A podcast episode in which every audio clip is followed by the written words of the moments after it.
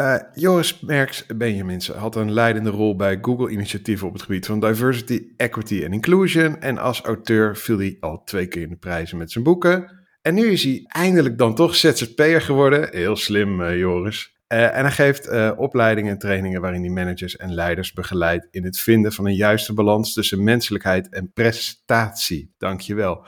Dat staat achter op zijn nieuwste boek, Manager zonder macht. En daar gaan we het uitgebreid over hebben vandaag. Maar voor mij blijft Joris Merks Benjaminsen de schrijver. Voor altijd van Online Brand Identity. Uit, nou wanneer is het? 2015? Ja, volgens mij wel ja. Dat is ja. acht jaar geleden op zijn minst. Ja, ja, ja. Het, het, boek voor wat nog steeds in mijn, mijn Desert Island library zit. Uh, Joris, super dat je er bent. Heb je er een beetje zin in? Ja, zeker weten. Ja, een uh, nieuw hoofdstuk uh, in mijn leven en een nieuw boek. Dus uh, ja. We gaan ervoor.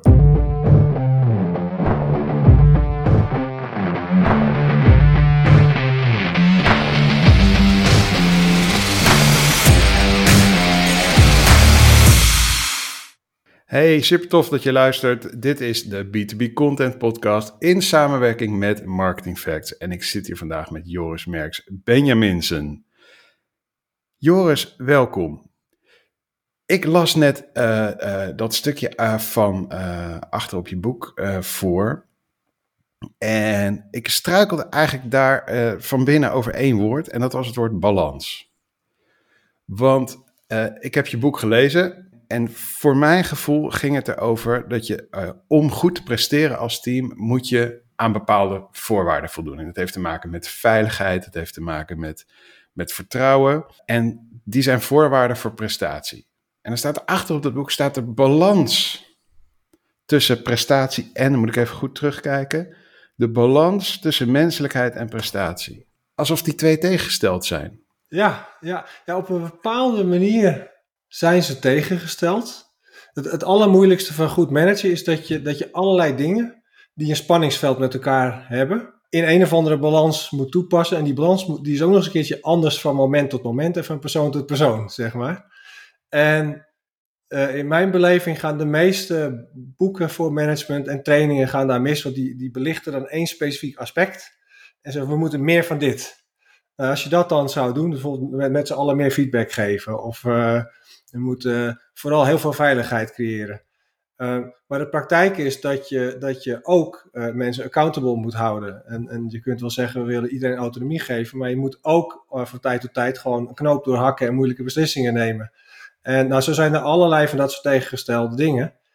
En als je dus te veel alleen maar in het ene investeert, gaat het ten koste van het ander en heb je nog steeds niet wat je, wat je wil. En het is juist de kunst om met persoonlijk en situationeel bewustzijn van moment tot moment elke keer weer in de juiste balans te investeren. Ja, dat is, het, het is en uh, het is ook een dik boek geworden, maar het is een hell of a job. Eigenlijk. Zo, want het is voornamelijk een boek, denk ik, en dan moet je maar corrigeren, voor, voor middle managers. Uh, mensen die ergens halverwege de organisatie zitten, die ofwel een teammanager ofwel een manager zijn van managers die teams managen. En er komt ontzettend veel op die mensen af. Kan het? Is, is, kan iedereen een goede manager worden? Of is het ook gewoon uh, niet aan iedereen besteed? Nou, het is zeker niet aan iedereen besteed. Het is inderdaad primair voor middelmanagers en voor managers van managers die een organisatie willen creëren, waarin de ruimte bestaat voor middelmanagers om, om te investeren in hun teams. Je hebt, je hebt een aantal soorten redenen waarom het niet voor iedereen is. En er is ook echt een groep managers die de rol kiezen om de verkeerde reden. Dus de, de, de meest foute reden om die rol te kiezen, is omdat het de enige manier is om je eigen carrière uh, uh, zeg maar te boosten. Dus, dus er zijn heel veel bedrijven waar je maar tot een bepaald niveau kan komen als je geen manager bent. En dat is de enige manier om het wel te worden, is manager worden. En, maar dan kies je het volledig vanuit eigenlijk egoïstische motieven. Dan, dan doe je het om jezelf vooruit te helpen en niet de enige goede reden is omdat je een mooi team wil bouwen. Um, en wat je dan ziet is dat die managers die om die reden die rol kiezen, uh, vaak ook geneigd zijn om wat meer tijd te stoppen in naar boven managen, uh, ten koste van naar beneden managen en in je team investeren. En dan is dat op zich een minderheid, maar het probleem is dat ze daar ook nog vaak succesvol mee zijn.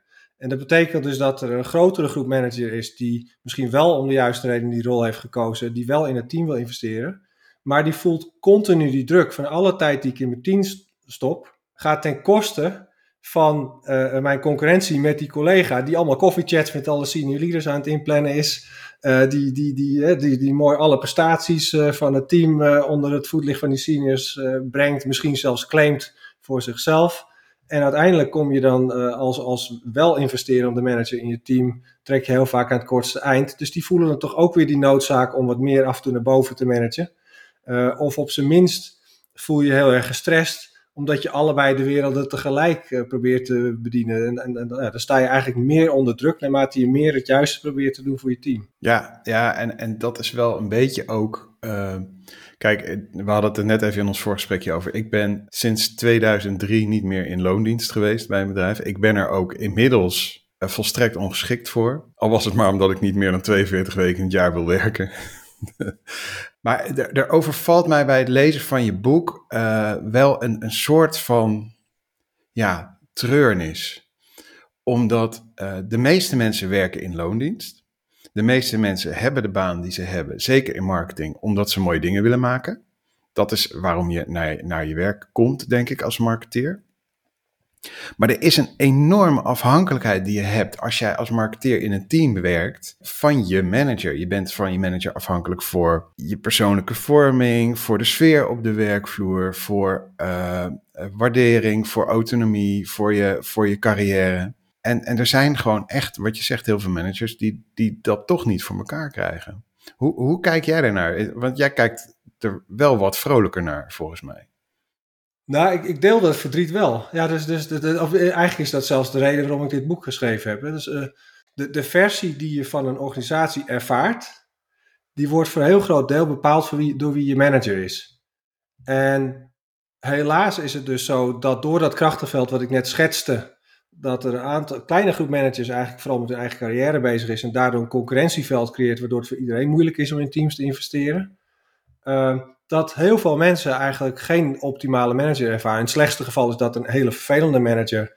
En in een wat gunstiger geval is de manager waar, waar, je gewoon voelt dat er niet voldoende in jou als persoon en in jullie als team geïnvesteerd wordt.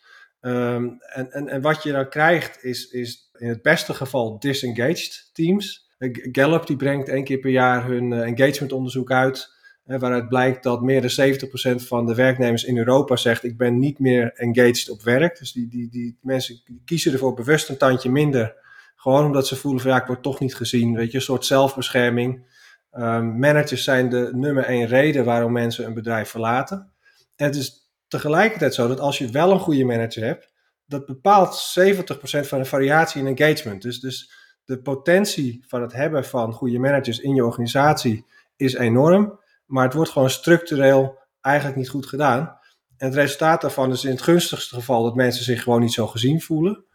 En in het wat minder gunstige geval maakt dat juist door onbewust management, dat daaronder ook een beetje een soort uh, concurrentieveld ontstaat, waarin iedereen het gevoel heeft van ik moet een beetje naar boven managen om gezien en gewaardeerd te worden. Waardoor je dan uh, bedrijfspolitiek krijgt, die eigenlijk bijna iedereen die in een grote organisatie heeft gewerkt, herkent dat, dat die bedrijfspolitiek bestaat. En dat is dan een situatie waarin mensen die net iets scherpere ellebogen hebben, net iets dikkere huid, net iets makkelijker overleven. En mensen die gewoon fijn willen samenwerken, hoofd naar beneden, goed werk doen, et cetera, die overleven net iets minder makkelijk. Nou, dat is, dat is schadelijk voor mensen. Er wordt niemand blij van. Ook niet die managers die eigenlijk wel in hun teams willen investeren, maar voelen dat ze in het spanningsveld zitten. Die worden ook niet blij van. Want het komt erop neer dat je met z'n allen wel wil dat het beter is, maar met z'n allen ook weet dat je dat niet doet. En nou, dat, dat, dat, vind ik een heel verdrietig uh, uh, scenario. Het, het, het, is droevig dat mensen dat gewoon herkennen als ze het lezen. Maar ik, ik heb ook wel heel helder voor ogen hoe je dat kan veranderen. Dus ik, ik, ik weet zeker dat elke vice president van een, een grote groep managers, die kan van vandaag op morgen zeggen van, vanaf nu gaan we het anders doen. En dan wordt het ook echt anders. Ja, ik ga je zo uh, uh, even de ruimte geven om uh, dan even te be beschrijven hoe, hoe dat anders er volgens jou uitziet. Want je hebt het in het boek extreem gestructureerd opgeschreven. Ik, ik ben echt, ik heb geen managervezel in mijn lichaam Maar zelfs ik begreep het, dus dat is, dat is geweldig. Ik moet je wel nog één ding bekennen. Ik, ik interview wel eens vaker mensen die een boek hebben geschreven. En meestal, uh, de meeste management- of marketingboeken, die kosten me een avond of twee. Uh, en dan ben ik er wel doorheen en heb ik wat aantekeningen gemaakt. En dan kan ik een goed interview doen. Dit boek, uh, daar heb ik me een beetje in verslikt. Want je hebt het niet alleen heel gestructureerd en gedetailleerd opgeschreven. Je hebt de volgende stap ook gezet. Je bent ook naar gaan kijken naar wat heeft diversiteit. of wat heeft goed managen voor impact op diversiteit. En wat heeft dat weer voor impact op waar we allemaal voor staan nu. Namelijk transformatie van organisaties. Digitale transformatie. Dus er is ongelooflijk veel uit te pakken aan dit boek. En we gaan er echt niet doorheen komen in een half uur. Dus daarvoor mijn excuses. Uh, maar begin even met het begin. Want wat is managen zonder macht? Ja, het is misschien ook goed om te zeggen wat niet is. Het is uh, niet leading without authority. Want dat richt zich op mensen die geen formele macht hebben, die toch leiderschap kunnen vertonen. Maar ik richt me heel bewust op mensen die wel formele macht hebben. Juist omdat die zo bepalend zijn voor welke versie van een organisatie uh, iemand ervaart. En het, het, in principe is het zo dat als je praat over organisatieverandering, het kan zijn digitale transformatie, maar het kan ook zijn een cultuurverandering naar menselijker worden of een cultuurverandering naar juist meer prestatiegericht worden of verandering naar meer sustainable worden als organisatie. Er is helemaal niks wat je daarin voor elkaar kan krijgen als je niet een bepaalde kritische massa van de formele leiders en managers mee hebt. Want die bepalen uiteindelijk waar mensen voor beloond worden, wie een promotie krijgen, et cetera.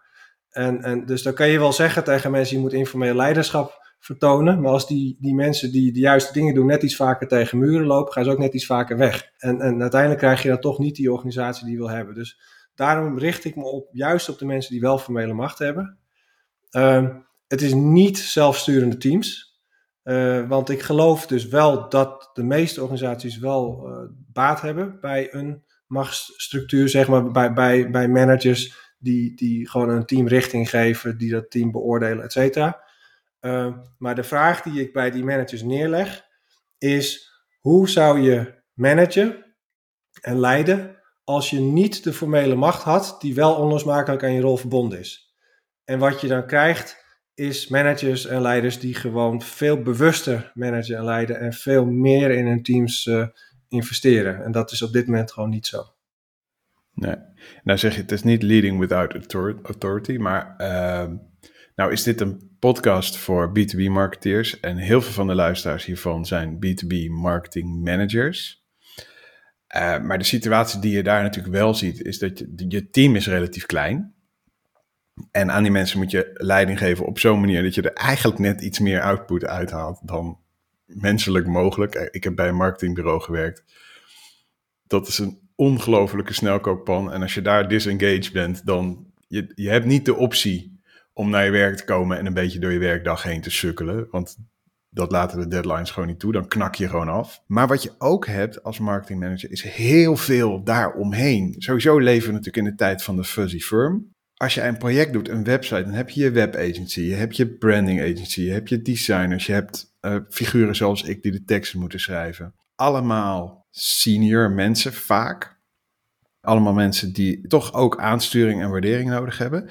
Kun, kun je jouw methode wel ook breder trekken en zeggen van, van, nou ja, we passen dit ook toe op stakeholder management. Dus op de plekken waar je eigenlijk ook niet echt die formele macht hebt? Ja, zeker weten.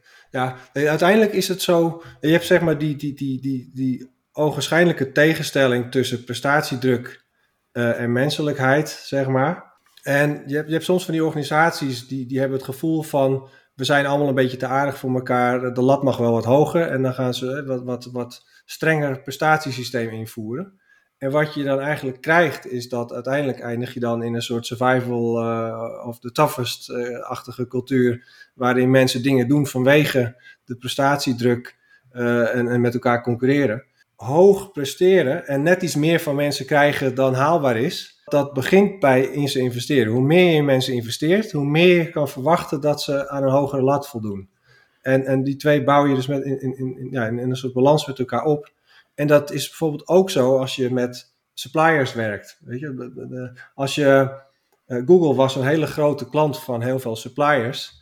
En het gedrag wat ik heel vaak zag, was dan dat je de supplier net iets te laat brieft, net een beetje slordig brieft, et cetera, et cetera.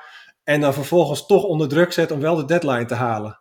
En wat je dan krijgt is een supplier die gewoon niet vanuit intrinsieke motivatie met jou werkt. En dus krijg je er niet het maximale uit die supplier. Dus dat is ook zo'n moment als je niet op die machtsrelatie uh, gaat leunen, maar in plaats daarvan bewust investeert van, goh, wat heb je van mij nodig, wanneer, in welk format, hoe vind jij het fijnst om samen te werken, dan, dan krijg je aan de kant van die supplier ook mensen die het leuk vinden om op jou als klant te werken en die net dat extra stapje wel zetten, niet omdat je dat moet, maar gewoon omdat je samen mooie dingen bouwt. En, en dat is eigenlijk juist door minder te investeren, of minder te leunen op je macht, investeer je meer.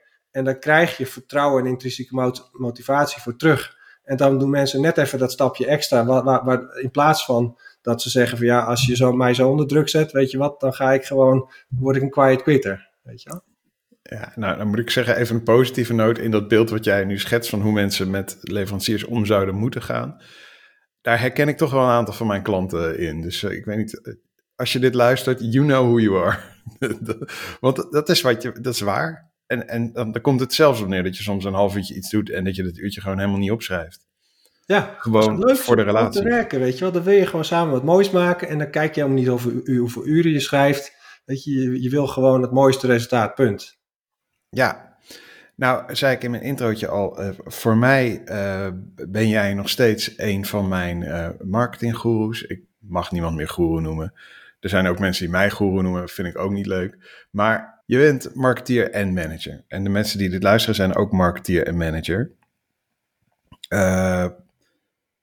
En je zei, eh, toen we het net even uh, vooraf even kletsen, zei er is een verband tussen deze twee boeken. Er is een verband tussen online brand identity en manager zonder macht. Kun je dat uitleggen? Ja, het is eigenlijk nog iets makkelijker uit te leggen met een boek wat daarvoor zat.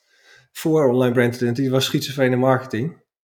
En dat was eigenlijk het allereerste moment uh, waarop ik me realiseerde dat bijna alle transformatievraagstukken uh, eigenlijk helemaal niet stuk lopen op het feit dat mensen niet weten wat ze moeten doen.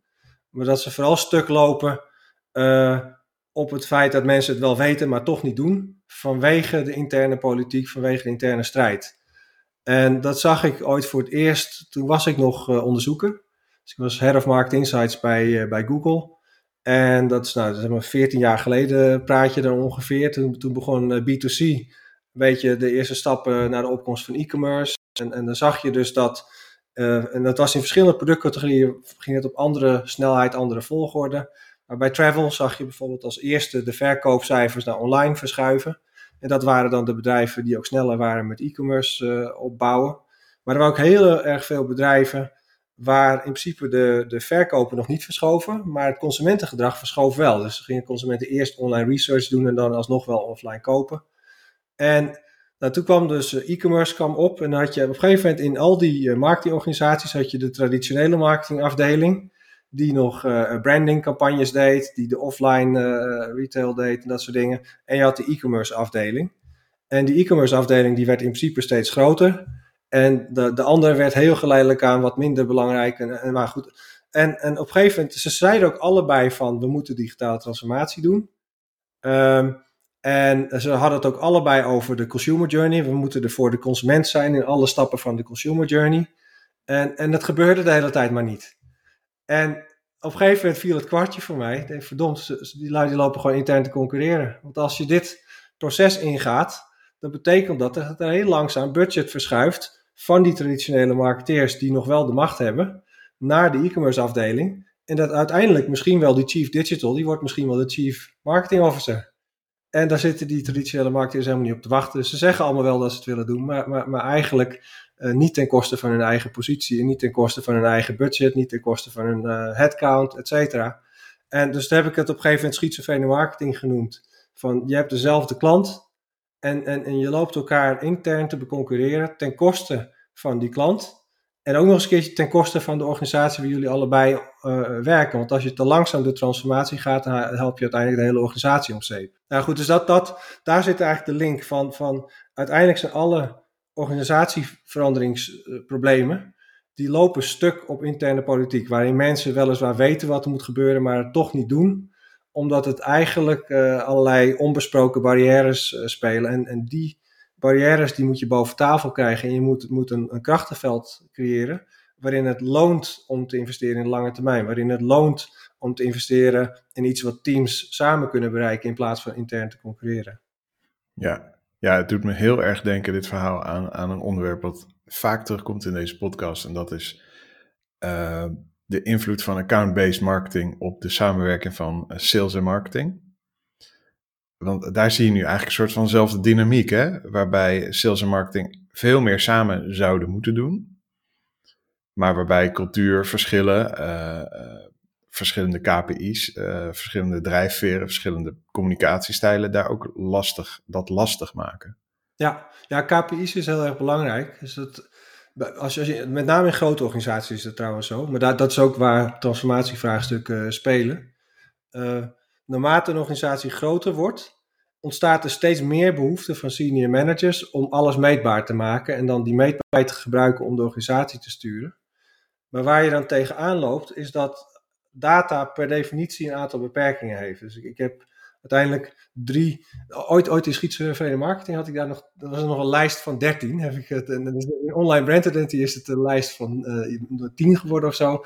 En, en, het universele patroon is drie universele beperkingen die eigenlijk bijna alle uh, barrières voor transformatieorganisaties verklaren.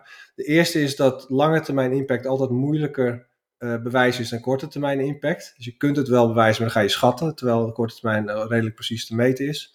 Uh, over kanalen heen is altijd moeilijker optimaliseren dan binnen een kanaal. Dus dat, in, in, online marketing is dat van nou, als iemand op een online advertentie klikt en op hetzelfde apparaat relatief snel koopt, dat is makkelijk optimaliseren. Maar als iemand online oriënteerd offline koopt, is lastiger.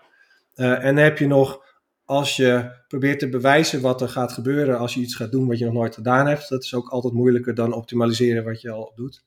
Nou, als je, daardoor, als je dan heel hard optimaliseert op basis van KPI's, dan krijg je organisaties waar mensen tegen muren aanlopen als ze in de lange termijn proberen te investeren. Uh, waar ze tegen muren aanlopen als ze proberen uh, over teams heen dingen goed te doen en waar ze tegen muren aan lopen als ze proberen te innoveren. En het is zelfs zo erg dat mensen dan stiekem gaan innoveren in organisaties. Ja, ja, ja, ja. Ja, ja herkenbaar, herkenbaar. Hey, uh, uh, ik had het over KPI's. Uh, een andere afkorting die veel terugkomt in je boek zijn de OKR's. Nou ben ik al te lang uh, uit loondienst om uh, daar nog ervaring mee te hebben. Kun je, kun je kort uitleggen wat een OKR uh, is of zou moeten zijn en waarom ze belangrijk zijn bij, bij het managen van je team? Ja, het staat voor Objectives and Key Results.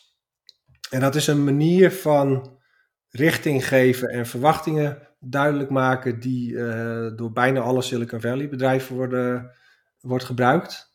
Ehm, overigens hoeft dat, dat richting zetten en verwachtingen duidelijk maken hoeft niet per se met OKR's. Ik gebruik het vooral als voorbeeld uh, in mijn boek. Uh, maar je hebt ook OGSM, je hebt, nou, je hebt allerlei formats waarin je uh, plannen kan maken op bedrijfsniveau, doorvertalen naar teamniveau en van teamniveau doorvertalen naar individu. En het gaat maar met name om die principes, dus die, die doorvertaling van bedrijf naar team naar individu, waardoor elk team weet van dit is waarom wij bestaan en dit is hoe wij bijdragen aan wat het bedrijf doet. En waardoor ook elk individu weet van oké, dit is uh, uh, mijn rol in het geheel. En dit is wat jij van mij verwacht. Dit is daarom wat ik op moet leveren. En hoe ik met OKR's werk, is dat je dus uh, eerst sowieso een, een, een, een, missie voor je team schrijft. Die heel goed definieert van waarom bestaan we als team. Wat doen we wel, wat doen we niet. Dat, die zijn allebei heel belangrijk.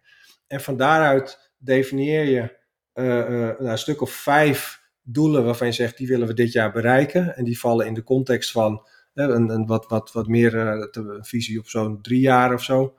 Um, en die doelen vertaal je dan naar kwartaalresultaten die je elk kwartaal opnieuw opschrijft en ook weer evalueert. En dat doe je op teamniveau, maar je deelt dat ook met je team, waardoor zij daar inspraak op hebben.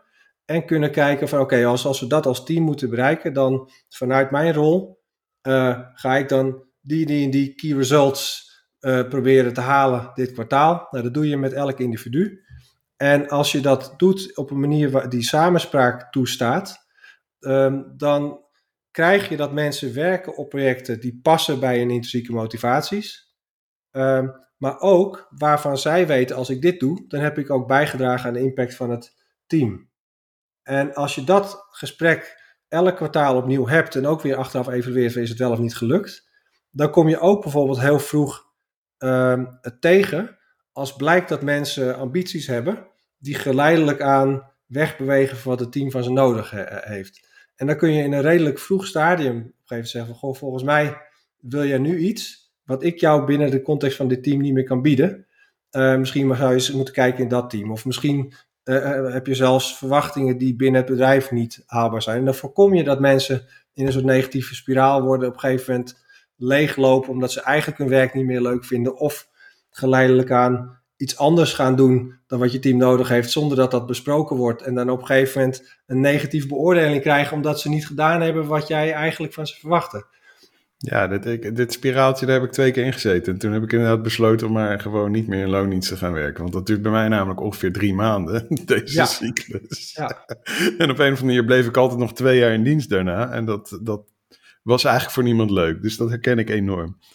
Hey, ik, ik lees even een, een, een puntenlijstje voor, want het, in het hoofdstuk over OKR staat uh, een puntenlijstje uh, waarbij je eigenlijk aangeeft van, nou als je deze dingen voor elkaar hebt, dan maakt het de precieze formulering van je, van je uh, OKR's maakt niet zoveel uit. En dit lijstje, dit heb ik, ik word hier heel blij van, dus ik lees het even voor. Staat begrijpen mensen wat de belangrijkste prioriteiten van het team zijn en wanneer deze moeten worden geleverd? Begrijpen ze wat de must deliverables zijn, dus de hoogste prioriteiten. En waarom? Begrijpen ze wie waaraan werkt? Weten ze met wie ze moeten samenwerken om het werk te coördineren? Begrijpen ze hoe de prioriteiten van het team zich vertalen naar hun persoonlijke prioriteiten? Begrijpen ze welke mensen afhankelijk zijn van hun werk en weten ze hoe ze prioriteiten tegen elkaar moeten afwegen en wanneer ze moeten escaleren? Ik schreef in mijn aantekeningen letterlijk: als je dit voor elkaar hebt, kan de champagne open. Ja, klopt. Ja. Want jij zet er nog heel bescheiden onder. Als je dit voor elkaar hebt, dan maakt het niet zo heel veel uit wat de precieze formulering van je OKR's is. Maar serieus, weet je. Uh, dus wat jij eigenlijk zegt is, want ik betrapte je net op de term uh, bewust managen. Ik weet niet of, die, of je die ook in het boek gebruikt, maar die gebruikte je net in een antwoord. Is het zo uh, dat je als je bewust bezig gaat met het feit van hé, hey, nu ben ik manager en je, je neemt eigenlijk een beetje afstand van de operatie en je gaat je focussen op dit soort vragen, expliciet, je stelt die vragen dus hardop, is het niet zo dat je dan de helft van het werk eigenlijk al gedaan hebt? Nou, waar, waar, deze, waar dit hoofdstuk vandaan komt, is dat je aan de ene kant kun je niet structureel investeren in je team, zonder dat, en, je kunt ook niet een, een, een, een consistente leiderschapsstijl in je organisatie neerleggen, zonder dat je op allerlei thema's uh, structuren en processen aanbrengt. En dat doen bedrijven dus ook. Maar vervolgens nemen die structuren en processen eigenlijk alles over, ten koste van het principe waar ze voor bedoeld zijn. En, en, en OKR's is daar een heel goed voorbeeld van. Dat de, de meest gemaakte fout, het draait gewoon om die dingen die je zojuist noemde. Gewoon snappen mensen wat van ze verwacht wordt, waar je heen gaat, met wie ze, et cetera. Daar draait het om. Uh, maar de meest gemaakte fout is dat, uh, dat het een soort administratieve oefening wordt. En zodra de balans tussen waarde en administratieve druk scheef gaat, dus dat mensen het gevoel hebben van nou, dit is wel heel erg veel administratief werk en ik haal niet zo heel veel waarde uit, dan gaan mensen het als een tick the box uitvoeren en dan is, is de waarde volledig verloren. Dat is gewoon de meest gemaakte fout. En dus uiteindelijk moet je als manager, als je het nog nooit OKR's gebruikt hebt, kost het je waarschijnlijk wel een jaar om te leren hoe je dat echt heel effectief en efficiënt met je team uitvoert. En dan kun je maar beter een beetje licht beginnen. Ik werk uit, van, altijd uit het principe van je moet die minimale structuur creëren, die duidelijkheid en consistentie creëert, uh, maar die niet het overneemt, zeg maar, die niet te, te zware belasting administratief. Uh, en, en, en je kunt bijvoorbeeld zeggen, weet je wat, ik begin wel gewoon op teamniveau. En ik heb alleen maar gesprekken over hoe ze dat doorvertaalt naar industrieel niveau. En dat geeft je als manager de tijd om steeds beter te worden in, hoe helder je je OKR's voor team schrijft. en hoe die vertaling naar individu werkt. En dan geeft de mensen de kans om te wennen aan het principe van OKR's. En dan als je met z'n allen merkt oké, dit is eigenlijk heel waardevol en we kunnen dat redelijk soepel uitvoeren, kun je op een gegeven moment zeggen, oké, schrijf nu eens een keertje jouw individuele OKR's op basis van mijn team OKR's. Maar als je die stap naar individuele OKR's te snel maakt, voor je het weet zit je dan in allerlei definitiekwesties. En nou, dan, dan denkt iedereen van, jee, maar wat is dit nou weer, weet je wel? Van, dan kunnen we niet gewoon terug naar de oude manier. Ja, ja, helder. Uh, nou is het wel zo dat veel marketingmanagers ook nog... Uh, ik hoorde laatst iemand uh, bij een groot internationaal techbedrijf zeggen... Ik, ik zit nog 70% eigenlijk in de operatie. Dus in feite hou je dan, ik schrok daar eigenlijk best van, hou je 30% van je, van je tijd en energie over om je daadwerkelijk met management bezig te houden. Uh, denk jij dat die verhouding anders zou moeten? Denk je dat marketingmanagers meer afstand tot de operatie zouden moeten hebben? Ja, ik, ik, krijg die vraag best vaak van hoeveel procent moet je nou managen en hoeveel procent moet je in het werk zitten, zeg maar. En, en voor mij zijn die twee gewoon heel erg met elkaar verweven. Van, van, uh, als, je, als je denkt over management als van je staat daar als manager op een afstandje en je zegt je moet zussen zo doen en je haalt daarna op van heb je het wel gedaan of niet en dan beoordeel je dat, weet je wel. Dan heb je die scheidslijn. Maar als je management ziet als structureel investeren in je team, dan, dan zit je ook wel op een bepaalde manier uh, structureel in het werk van je team. Niet op een manier die, die micromanagement is, uh, maar op een manier dat jij je verdiept in van oké, uh, ik heb jou dat doel gege gegeven. Wat betekent dat voor jou? Uh, wat, waar zitten de moeilijkheden? Kan je dat wel of niet? Welke delen daarvan uh, moet ik je mee helpen? Met wie moet ik je verbinden? Et cetera. En, en, dus je, je zit overal diep genoeg in om te weten van oké, die persoon die snapt het perfect. Die hoef ik alleen maar het principe uit te leggen en die moet vervolgens autonomie hebben. die persoon die moet nog even op gang komen. Dus die heeft continu coaching, uh, richting, et cetera nodig. Dus daar werk je een tijdje mee tot je ziet dat dat lekker op rolletjes gaat. Je hebt soms van die onderwerpen waar je als team een nieuw thema aansnijdt. Waar je dus ook met z'n allen een beetje zoekende bent. Daar investeer je dan extra. Dus, dus, ik had dat bijvoorbeeld in mijn team deden we trainingen voor digitale marketingtransformatie voor de grootste klanten van Google. En als we een compleet nieuw thema aansneden, dan, dan ging ik daar gewoon een beetje in meewerken. Of als we een, een, nieuwe klanten gingen bedienen in een ander deel van de organisatie, dan hielp ik mijn team om de connecties te leggen met de juiste mensen in de organisatie. Totdat ik zag van hé, hey, die connecties liggen dus ze weten hoe ze met elkaar moeten werken. Dan laat je het los, ga je op iets anders focussen. En als je er zo naar kijkt, dan, ja, dan, dan is managen ook gewoon meewerken. Je bent een soort meewerkend uh, voormens. Voor ja, ja, ja, die term. Ja, ja uh, dat klopt. Die term die heb ik in, toen ik nog software engineer was veel gehoord. Uh, en dat kwam er ook natuurlijk een beetje vandaan dat, dat veel leiders van software teams, en dat is nu nog zo, denk ik, zijn natuurlijk zelf ook gewoon uh, begonnen als nerd. En die vinden het ook gewoon mooi, het werk. Ik ken ook marketingmanagers die gewoon echt op vrijdag nog even een paar social media ads vormgeven in Photoshop. Gewoon puur, of doe je dat in Photoshop? Ik heb daar geen stand van. In hun software. Die ze dus, waar ze dus nog een licentie van hebben als manager. En gewoon omdat ze dat mooi vinden. Maar jij zegt dat is geen enkel probleem. Je kan gewoon lekker uh, in de operatie meedraaien. als je maar bewust bezig bent met investeren in je team. Ja, ja. en het liefste wel. Het, op het moment dat je zegt van. ik pak dit project en ik doe het in mijn eentje. Dat, dan is dat tijd die je daarin stopt ten koste van tijd die je team stopt. Dus je wil het liefste wel op een of andere manier betrokken zijn in projecten waar de anderen ook op werken. En waar je een, een, een sturende rol kan, kan hebben. Of gewoon het feit dat je daar bent en kan zien van hé, hey, die is goed bezig. Waardoor je begrijpt hoe ze waarde creëren. En ook begrijpt hoe je dat meeneemt in beoordelingen. Er zijn heel veel managers die uh, dus eigenlijk onvoldoende betrokken zijn. Ik heb zelf zo'n manager gehad, die, die, die, die besteden eens per twee weken een half uurtje aan mij. En die vroeg dan elke twee weken van, kan ik iets voor je doen? Dus dan dacht ik bij mezelf in mijn achterhoofd van, nee, natuurlijk niet. Je weet niet eens wat ik doe, weet je wel? ja, als okay. je zo in de wedstrijd zit, dan, dan kun je ook je teams niet eerlijk beoordelen. Je kunt niet supportive voor ze zijn. Je, je moet uh, toch wel op een of andere manier uh, tussen de mensen staan terwijl ze het werk doen. Ja, nou, eigenlijk als ik het allemaal zo heb ik nog best wel aardige managers gehad in mijn, mijn korte loondienstcarrière. Het, dat, eigenlijk viel het allemaal nog best wel mee. Ik was het probleem, denk ik. zie je, en, nu is er dus gebeurd wat ik voorspelde. We zijn eigenlijk over de tijd, maar er, er, er zijn echt nog twee belangrijke onderwerpen die ik met je wil behandelen. Dus we maken hem al wat langer, want hey, bandbreedte is gratis. Diversity en equity. Je, had al, je, je zei net al inderdaad meewerkend voor mensen. Ik ben zelf ook, ik ben tekstschrijver. Uh, ik, ik profileer mezelf gewoon onbeschaamd als woke as fuck.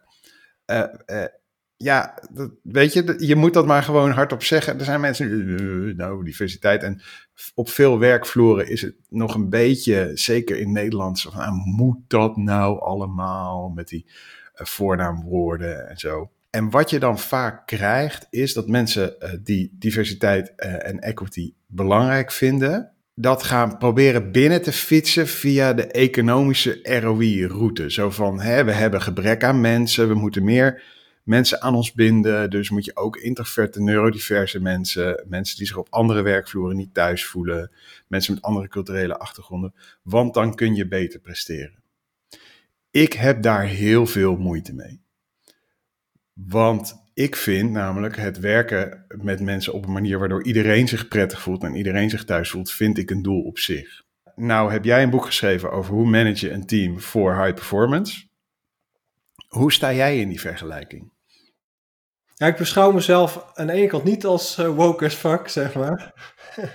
maar tegelijkertijd heb ik wel gewoon gezien hoe structureel, als je, als je onbewust managt, dat dat een soort uh, cultuur creëert. Waarin iedereen die gewoon veel koffies met de manager en de leider plant. En uh, het meest op de, op de leider lijkt. gewoon net iets beter uit de verf komt. En, en dat anderen de, meer moeite hebben om, om tot hun recht te komen. In een omgeving te zitten waar ze het gevoel hebben dat ze maximaal kunnen presteren. En, en gezien worden en beloond worden. De, en, en, en daar worden mensen gewoon uh, ook ernstig mee beschadigd. En in het gunstigste geval betekent dat, nou, gewoon dat, je, dat je niet je beste mensen beloont, zeg maar. Dan heb je een iets erger geval, is dat die mensen daar dus continu ja, pijn aan ervaren, burn-out doorkrijgen, et cetera. En heb je het nog ergere geval dat die politiek eigenlijk een soort voedingsbodem is voor een zwijgcultuur, waarin je eigenlijk niet iets durft te zeggen als, als, als je bang bent dat je leadership team dat niet wil horen. En dat is een soort omgeving dat als er iets als grensoverschrijdend gedrag plaatsvindt, dan kan dat ook langer voortbestaan, omdat niemand het durft te melden. Of, of, of, of als je het al meldt, dan wordt het toch weer in het doofpot gestopt. Dus, dus het is op allerlei manieren schadelijk. En ik vind het ook nog eens een keertje frustrerend dat je daardoor niet met z'n allen gewoon optimaal effectief bent. Want de praktijk is dat, dat mensen gewoon uitgaan. Um, en, en, dat juist mensen die hoofd naar beneden doen, en lekker willen werken, investeren in de lange termijn, omdat, uh, et cetera. Dat gebeurt allemaal niet. Dus ga je in kringetjes ronddraaien draaien met opportunistisch gedrag, zowel als individu als als organisatie. Dus ik vind dat aan alle kanten frustrerend. En tegelijkertijd komt dan diversiteit, inclusiviteit om de hoek. En dat wordt dan als een soort moraalonderwerp. Uh, weet je, iedereen met de Pride-vlag zwaaien. Uh, terwijl je tegelijkertijd ziet, als je performance management kijkt, dat iedereen die introvert is onder, ondergewaardeerd wordt. Of, of dat er allerlei vormen van bias in het performance management systeem zitten. Dus ik heb bewust het boek opgebouwd met een soort kern van vijf brilliant basics. En die basics, dat zijn de dingen waarin je gewoon in je gedrag een omgeving creëert waar alle soorten mensen gelijke kans hebben om gezien te worden. Duidelijkheid van richting en verwachtingen hebben. Uh, de kans om in meetings gehoord te worden. De kans om autonomie of juist support te krijgen. Uh, de kans op continu positief, negatief, oprechte feedback. En de kans op eerlijke en voorspelbare uh, prestatiebeoordelingen. Daarmee op gelijke over gelijke beloning voor gelijk werk vind ik een slechte term, want je kunt wer werk op meerdere kwaliteitsniveaus doen. Dus gelijke beloning voor gelijke impact, um, gelijke kans op progressie. Dat zit dan gewoon in, je, in de basis van hoe je werkt ingebouwd, zonder dat je ooit het woord diversiteit, inclusiviteit genoemd hebt.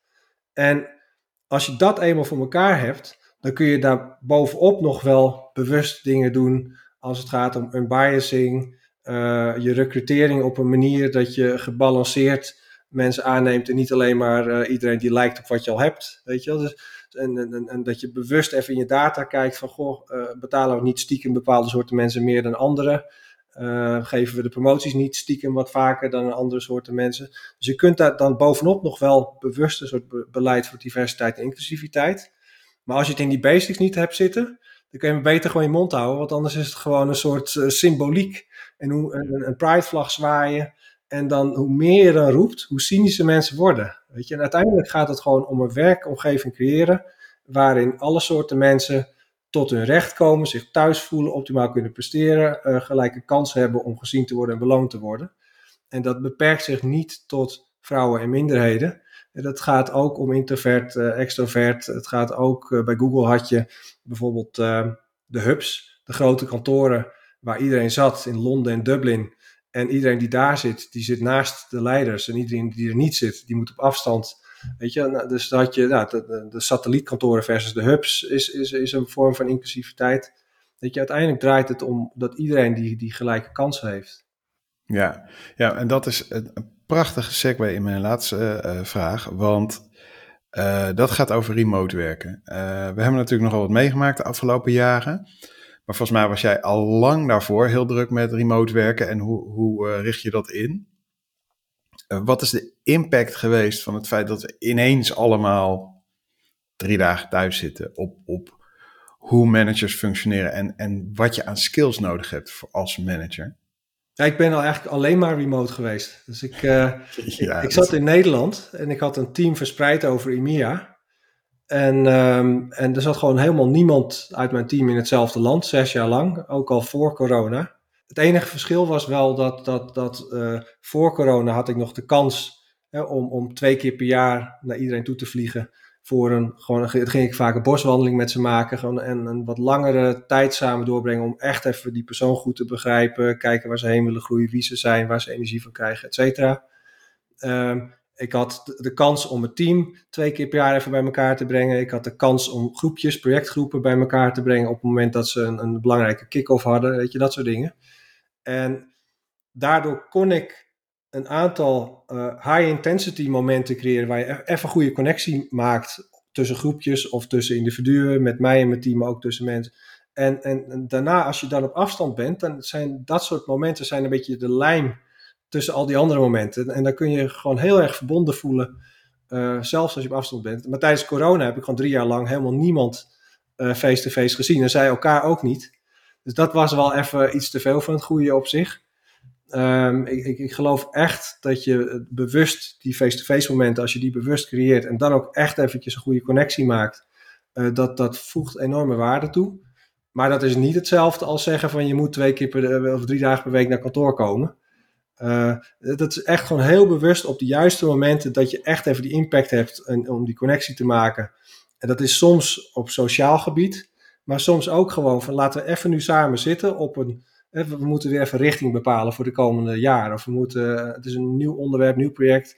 Weet je, als je daar even samen goed zit en dan de, de grote lijnen uitzet, dan kun je daarna op afstand kun je veel makkelijker uh, tussen die grote lijnen fine-tunen en, en makkelijk snel schakelen. En wat ik dus zie is, is door dat onbewuste managen uh, en dus structureel niet investeren op persoonlijk niveau, maar ook niet op die grote lijnen uitzetten, richting bouwen, uh, voldoende in alle projectmeetings zijn, et cetera, uh, krijg je dus, als je dan ook nog eens een keertje remote werkt, dan heb je meteen een soort afstand die niet meer overbrugbaar is. En dan hebben managers het gevoel van, oh jee, ik weet niet wat mijn team doet.